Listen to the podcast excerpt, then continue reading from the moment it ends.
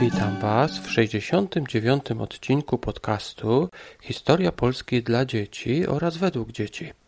W tym odcinku oraz w następnym będziemy mówić o języku, którego używali Polacy. Gdybym Was na przykład zapytał, jakiego języka używał Mieszko I i Bolesław Chrobry, inaczej mówiąc, jakiego języka używano w średniowieczu w Polsce, w jakim języku spisywano wtedy wszystkie dokumenty, tego właśnie dowiecie się z dzisiejszego odcinka. Czy słyszeliście kiedyś o starożytnym cesarstwie rzymskim? Było to ogromne państwo rządzące połową Europy oraz kawałkiem Azji i Afryki. Rządzili w nim cesarze. Czy znacie może imię jakiegoś cesarza rzymskiego? Cesarz Hadrian um, zbudował mur, żeby rozdzielić Szkocję i Anglię, bo Szkocja napadała Anglię. Oktawian i Klaudiusz też był, no. Takimi cesarzami byli na przykład Juliusz Cezar, od jego nazwiska właśnie pochodzi słowo cesarz, od nazwiska Cezar. Później był Oktawian August, był też Klaudiusz, Wespazjan, Trajan, Hadrian, Marek Aureliusz. W Anglii dużo ludzi zna imię Hadriana, bo w Anglii do dzisiaj stoi mur Hadriana, odgradzający Anglię od Szkocji. Ten mur kazał właśnie zbudować cesarz Hadrian. Ale czy wiecie, w jakim języku mówili Rzymianie? E, Rzymianie mówili po łacinie. Rzymianie nie mówili po rzymsku. Rzymianie używali języka, który dzisiaj nazywamy łaciną, albo językiem łacińskim. Rzym leży we Włoszech, tak więc można by pomyśleć, że Rzymianie mówili po włosku. Ale tak nie jest. Ktoś inny mógłby właśnie pomyśleć, że po rzymsku. Ale to też nie jest język starożytnych Rzymian. Oni mówili po łacinie albo w języku łacińskim. Dlaczego? Okolice Rzymu nazywają się Latium i właśnie tam powstał język łaciński i łacina. Ale co ma wspólnego historia Polski z językiem starożytnych Rzymian? E, w średniowieczu e, cały, cała ziemia, tak? E, cała ziemia mówiła po e, łacinie. No i wszystkie książki zostały spisane po łacinie. Cesarstwo rzymskie istniało przez pięć wieków. Gdy ono upadło, ludzie dalej mówili po łacinie. Z łaciny powstały takie języki jak włoski, francuski, hiszpański, portugalski oraz rumuński. Co jednak ważniejsze, naukowcy, lekarze oraz historycy wszystko zapisywali w tamtych czasach po łacinie. W tamtych czasach mam na myśli w średniowieczu.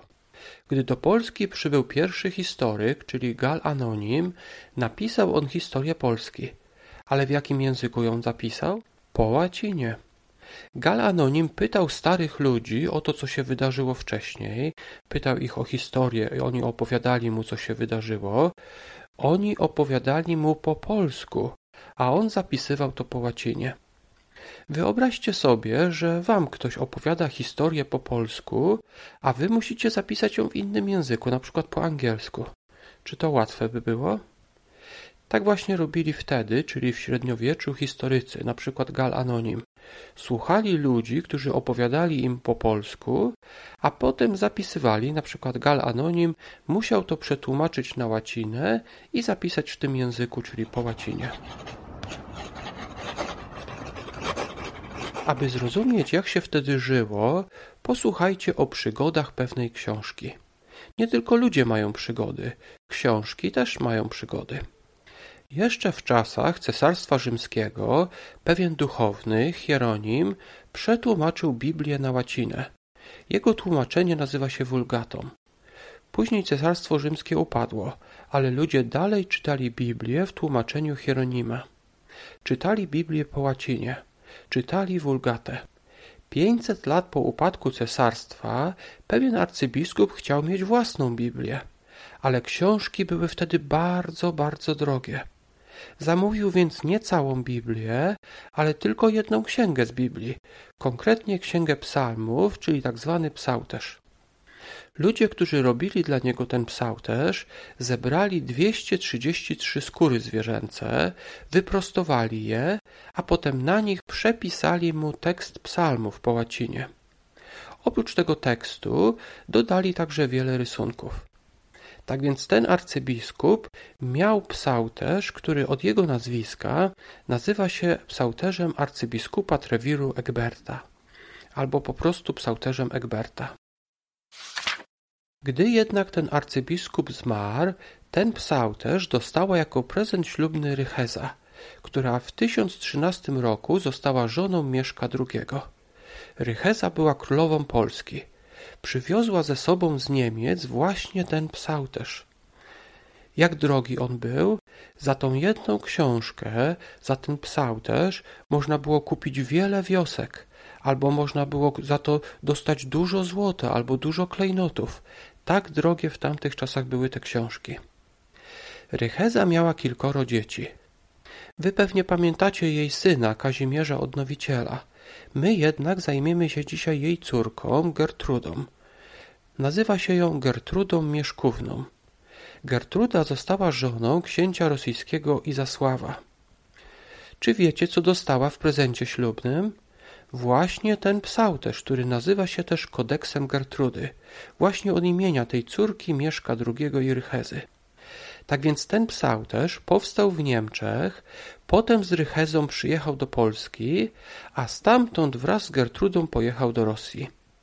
Tam ta książka pozostała jakiś czas. Później jednak wnuczka Gertrudy wyszła za mąż za Bolesława III Krzywoustego. Zdzisława Kijowska, czyli wnuczka Gertrudy, a prawnuczka Rychezy, przyjechała do Polski, aby wziąć ślub z Bolesławem Krzywoustym. Jako prezent ślubny dostała oczywiście ten psałterz, który wtedy już nazywano kodeksem Gertrudy.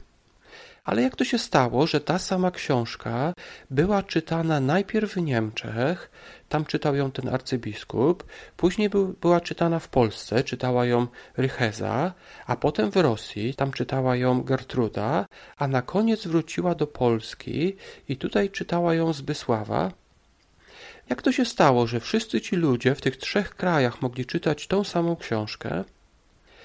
We wszystkich tych krajach ludzie, którzy umieli czytać, umieli czytać po łacinie. Był to w średniowieczu międzynarodowy język, w którym rozmawiano na dworach i pisano wszystkie książki. Jeszcze Mikołaj Kopernik pisał swoje dzieła po łacinie, a także Newton w Anglii. Mikołaj Kopernik mieszkał w Polsce, a mimo to pisał po łacinie. A inny taki znany naukowiec, Isaac Newton, który mieszkał w Anglii, on także pisał po łacinie. Kopernik miał odkrycie astronomiczne, opisał je po łacinie i wszyscy ludzie w całej Europie mogli je czytać. Z kolei Isaac Newton w Anglii napisał książkę o grawitacji i też wszyscy w całej Europie mogli to czytać, bo on to napisał po łacinie. Ale co zapamiętaliście o kodeksie Gertrudy? E, ta książka, ona była na, e, napisana po łacinie. Ona e, była napisana na skórze zwierzęcej.